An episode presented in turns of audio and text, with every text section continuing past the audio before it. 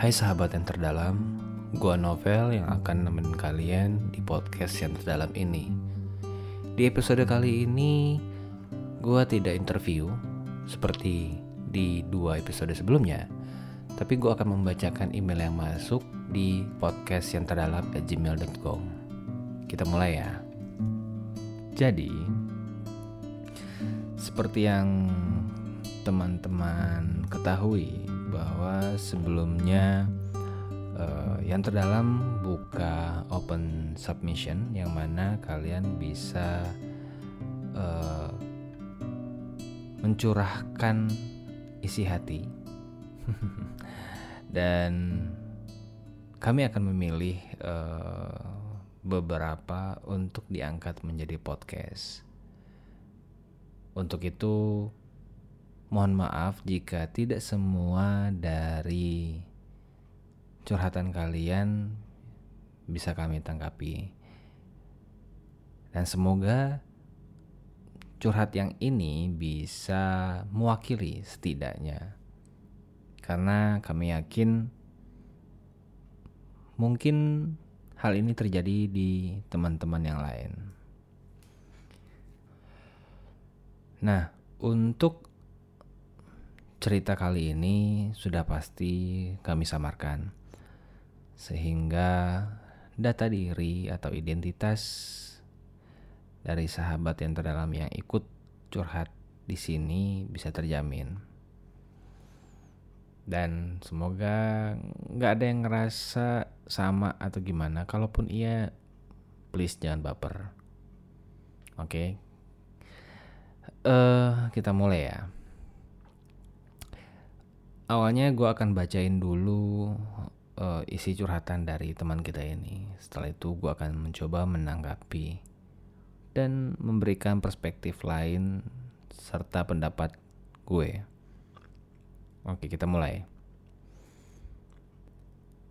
Hai yang terdalam, kenalin nama gue Dinda. Ini nama samaran.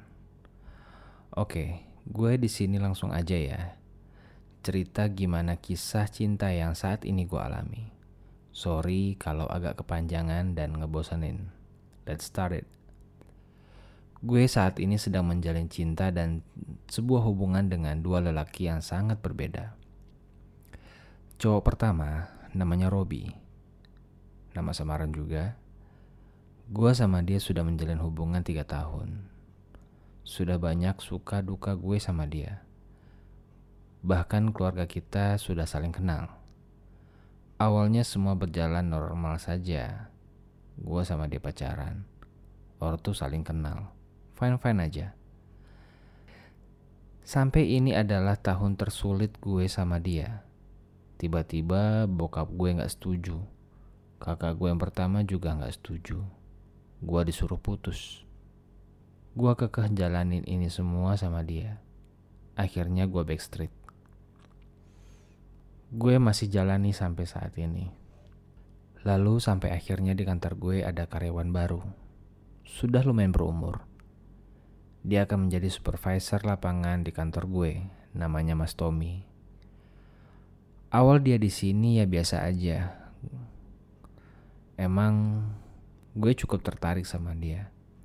Karisma dari diri dia yang gak bisa gue pungkiri. Gue suka pria yang sudah matang, Gue awalnya gak tahu sama sekali dan gak pernah nyangka dia juga suka bahkan sayang sama gue. Waktu itu dia di kantor seminggu sebelum dia berangkat ke Kalimantan untuk tugas. Selama seminggu dia gak pernah negor gue. Gue cemburu sama sahabat gue namanya Yanti. Saat itu dia deket banget sama Mas Tommy. Sampai akhirnya dia WhatsApp gue nanyain kerjaan. Gak tahu kenapa obrolan ngalir aja hari itu. Pada hari itu juga, malam jam 10, dia nembak gue. Katanya memang dari awal masuk kantor udah suka sama gue. Bahkan, sampai saat ini gue masih gak percaya kalau dia suka sama gue. Dia mau nikahin gue serius. Lalu, saat ini malah jadi gue yang bingung. Pagi dan malam gue ketemu sama Robi pas berangkat dan pulang kantor.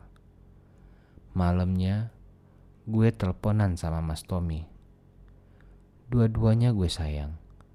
Gue gak mau kehilangan dua-duanya. Kalau gue minta pendapat keluarga, sudah pasti. Keluarga lebih setuju gue sama Mas Tommy. Karena lebih mateng dan lebih mapan masa depan ada. Sedangkan Robi hanya pengangguran. Pilihan sulit antara lebih lihat ke depannya atau nurutin kesenangan gue dengan orang yang satu hobi sama gue. Gue terjebak, gue terpenjara. Ada pepatah bilang, jika kamu benar-benar mencintai yang pertama, maka tidak akan ada yang kedua. Jika ada yang kedua, maka pilihlah yang kedua. Gitu aja kisah gue. Sorry kalau nggak menarik. Gue cuma sekedar mengungkapkan apa yang jadi ganjalan hati gue. Thanks buat yang terdalam. See you. Wow. Dilema sekali ya. Hmm. Gimana nih? Aduh. Gini. Jadi Dinda ini sudah punya pacar, awalnya baik-baik aja. Namun tiba-tiba bokapnya nggak setuju, kakak pertama yang nggak setuju. Karena yang gue tangkep nih dari ceritanya Dinda adalah karena Robi pengangguran. Berjalan waktu di kantor ada orang baru, supervisor, bosnya Dinda. Ya bisa dibilang bos ya. Terus dan naksir ke Dinda. Bingung nih Dindanya mau pilih yang mana. Oh pilihan yang sulit. Tapi coba kita runut satu-satu. Gue mungkin uh, penganut paham bahwa restu orang tua itu lebih utama buat gue karena gue punya pendirian, punya prinsip. Let's say gue menghadapi sesuatu, yang gue butuhin itu adalah restu orang tua, terlebih ibu. Ketika gue sudah dapat restu, maka gue tidak akan gentar menghadapi apa pun itu.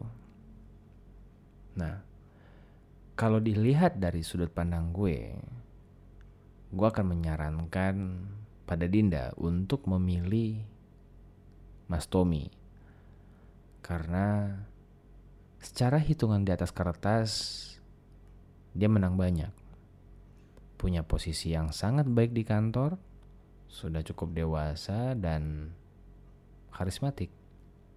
Sementara Robi yang sudah dipacari beberapa tahun belakangan oleh Dinda Mungkin umurnya tidak jauh beda dengan Dinda, punya hobi sama, dan bisa ditebak bakal lebih seru kehidupan mereka berdua nanti. Tapi kita juga tidak boleh um, terlena sama angan-angan atau gimana ya. Gini loh. Mungkin ada baiknya Dinda ini ngobrol lagi sama Robi. Minta buat dia nunjukin kalau dia bersungguh-sungguh terhadap hubungan ini. Ya salah satunya dengan mencari pekerjaan dan bisa membuktikan bahwa akan hidup layak dengan pekerjaannya itu. Karena kan kita nggak bisa nih hidup makan dari cinta tuh nggak ada. Dan Dinda sendiri menurut gue ada baiknya sedikit menahan kali ya.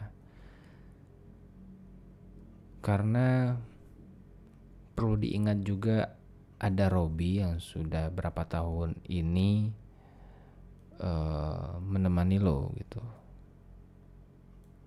Nah itu pendapat gue. Tapi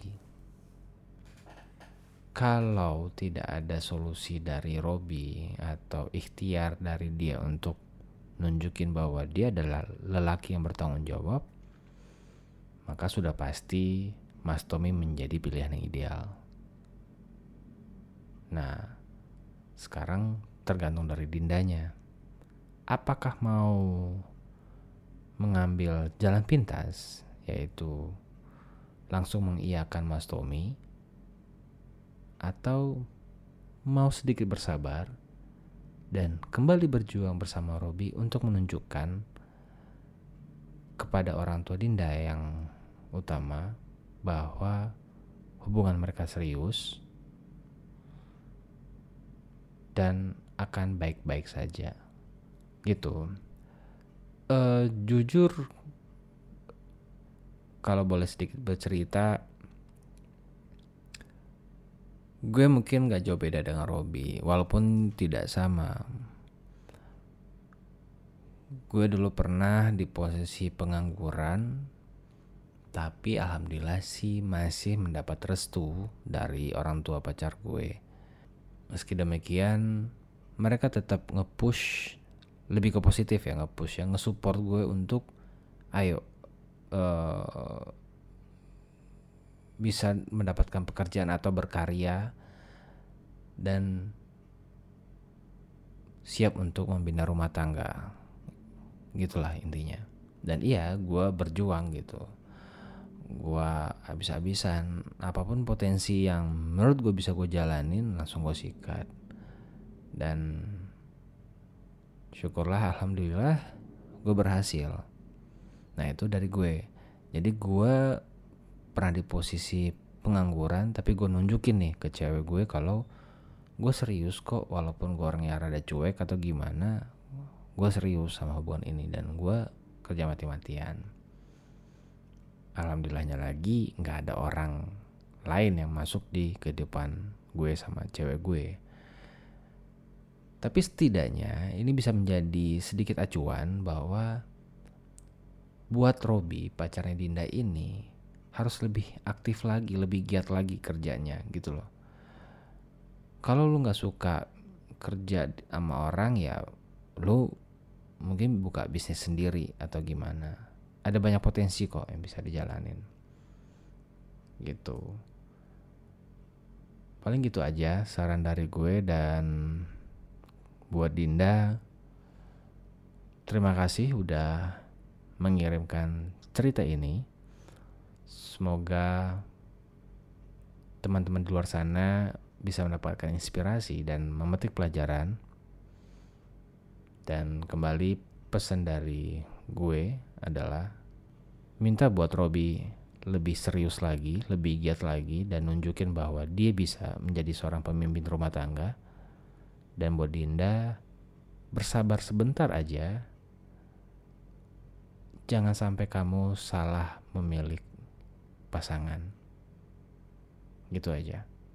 Dan sebenarnya juga hmm, closing statement dari Dinda cukup nampol dan nampol banget buat gue adalah gue baca ulang ya. Jika kamu benar-benar mencintai yang pertama, maka tidak akan ada yang kedua. Jika ada yang kedua, maka pilihlah yang kedua. Jadi, gimana menurut kalian? Oke cukup sekian untuk episode kali ini Jika kalian ingin ikutan curhat bisa langsung di email aja ke podcast yang terdalam at gmail.com dan jangan lupa untuk follow podcast ini serta follow akun Instagram kami di yang terdalam. Gue Novel dari yang terdalam. Sampai jumpa.